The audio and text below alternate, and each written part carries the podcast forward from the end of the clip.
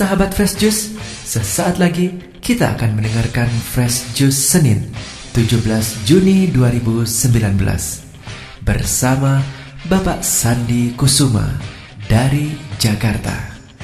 Selamat mendengarkan.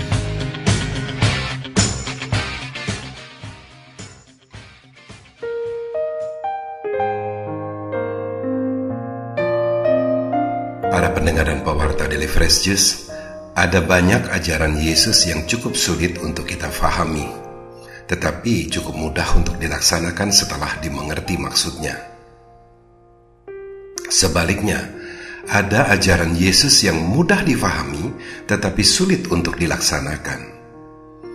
Injil hari ini, yakni Injil Matius pasal 5 ayat 38 sampai 42 yang diambil dari khotbah Yesus di bukit termasuk mudah dimengerti maksudnya, tetapi sulit untuk dijalankan. Inilah Injil Yesus Kristus menurut Matius.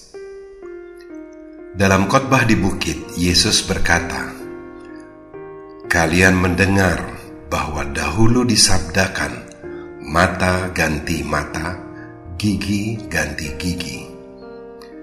Tetapi aku berkata kepadamu, janganlah kalian melawan orang yang berbuat jahat kepadamu.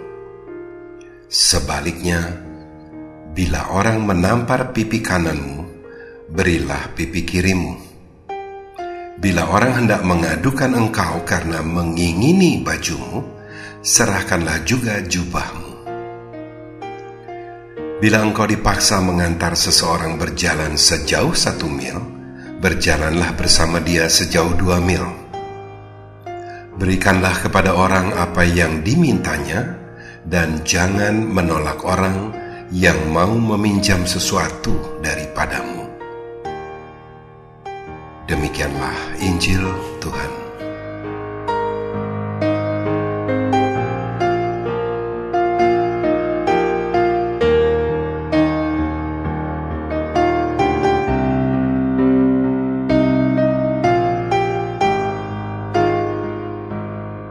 Para pendengar dan pewarta dari Fresh Juice berbicara tentang kemampuan berbahasa. Saya termasuk yang miskin dalam berbahasa.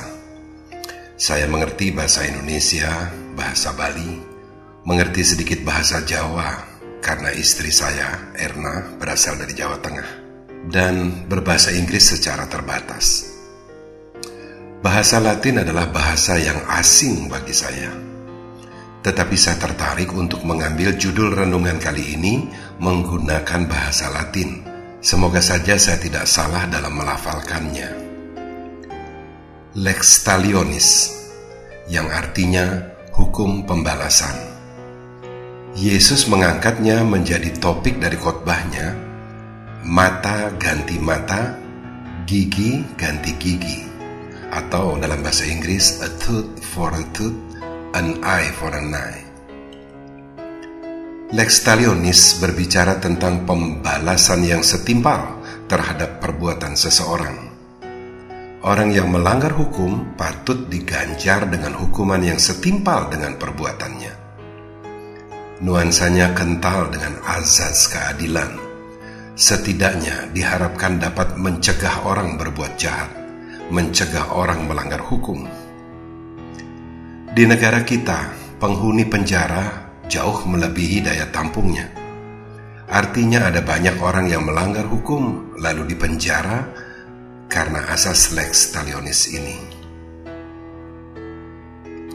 Saya sependapat bahwa hukum memang mesti ditegakkan.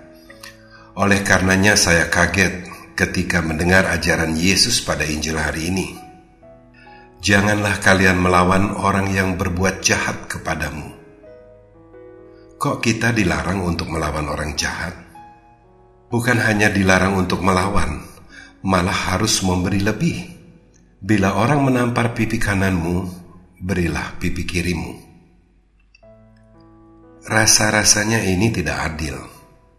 Sementara kita dituntut untuk taat kepada Injil, lalu mengapa orang yang melanggar Injil tidak boleh dilawan, malah harus diberi lebih?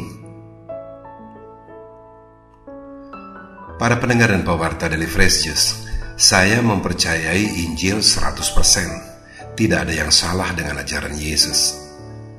Tapi bagaimana saya dapat memahami dan menerima ajaran Yesus tentang Lex Talionis ini? Mari kita lihat ilustrasi berikut ini. Misalkan pada suatu malam, kita terbangun dari tidur karena mendengar ada suara-suara. Rupanya ada maling masuk ke dalam rumah kita. Lalu apa reaksi kita? Mungkin sebagian dari kita akan ketakutan, takut dicelakai oleh si maling. Maka kita memilih untuk diam, bersembunyi atau pura-pura tidur lelap sambil berkhayal, "Ah, biar saja diambil barang-barangku, asal aku selamat." Sebagian lain dari kita yang mungkin punya sedikit keberanian akan berteriak, "Maling, maling!" dengan harapan tetangga pada bangun, lalu si maling digebuki rame-rame sampai babak belur. Lex Talionis. Ia pantas mendapat ganjaran yang setimpal. Sebagian lain dari kita yang katakanlah punya nyali besar akan bergagas bangun lalu berusaha menangkap si maling. Tetapi adakah dari kita yang mematuhi ajaran Yesus yang melihat si maling meringkesi dompet, handphone, dan barang-barang kita lainnya, lalu memberi senyum kepada si maling sambil berkata, Pak, Pak, di laci bawah ada beberapa perhiasan saya loh mau dibawa sekalian kah? Adakah yang berbuat seperti itu?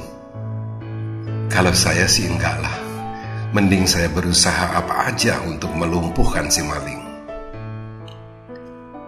Jika orang yang berbuat jahat dibiarkan saja, apalagi diberi lebih, maka kita-kita ini yang adalah pengikut Kristus akan menjadi sasaran empuk.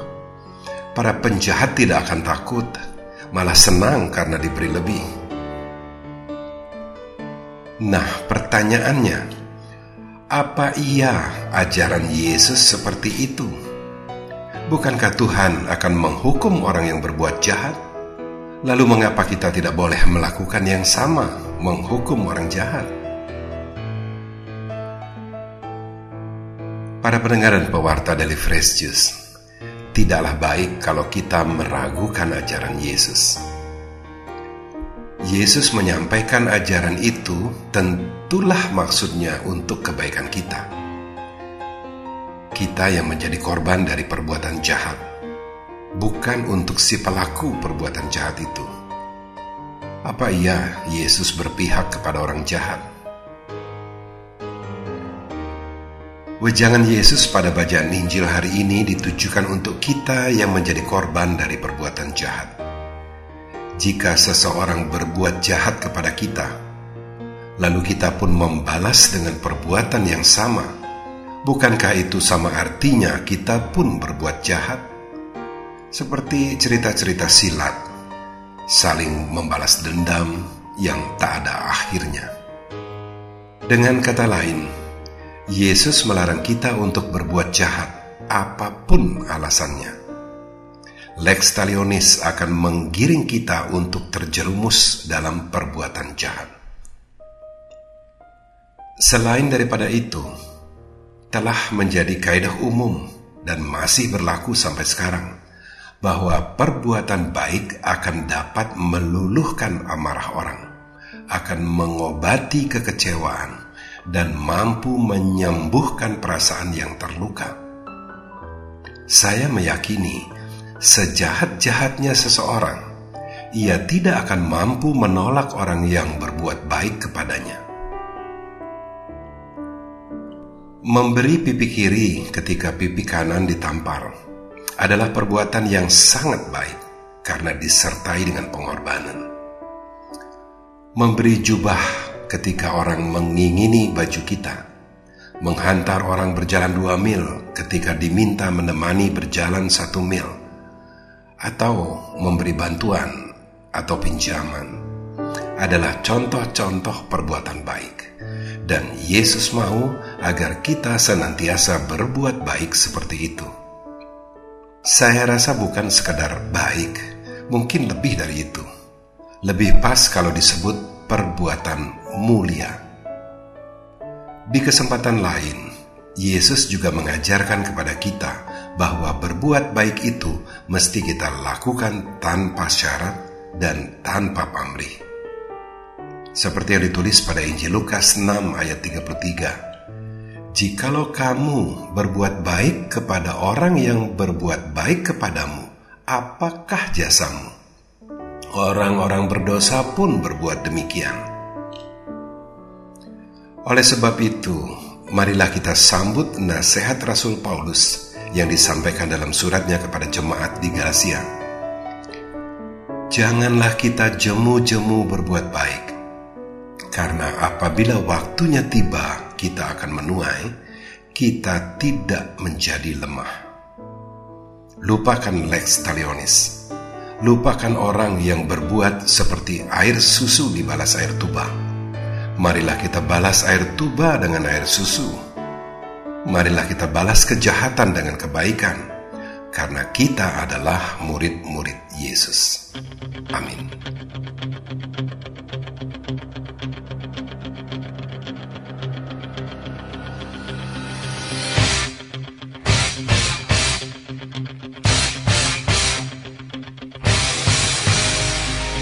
Sahabat Fresh Juice, kita baru saja mendengarkan Fresh Juice Senin 17 Juni 2019. Segenap tim Fresh Juice mengucapkan terima kasih kepada Bapak Sandi Kusuma untuk renungannya pada hari ini. Sampai berjumpa kembali dalam Fresh Juice edisi selanjutnya.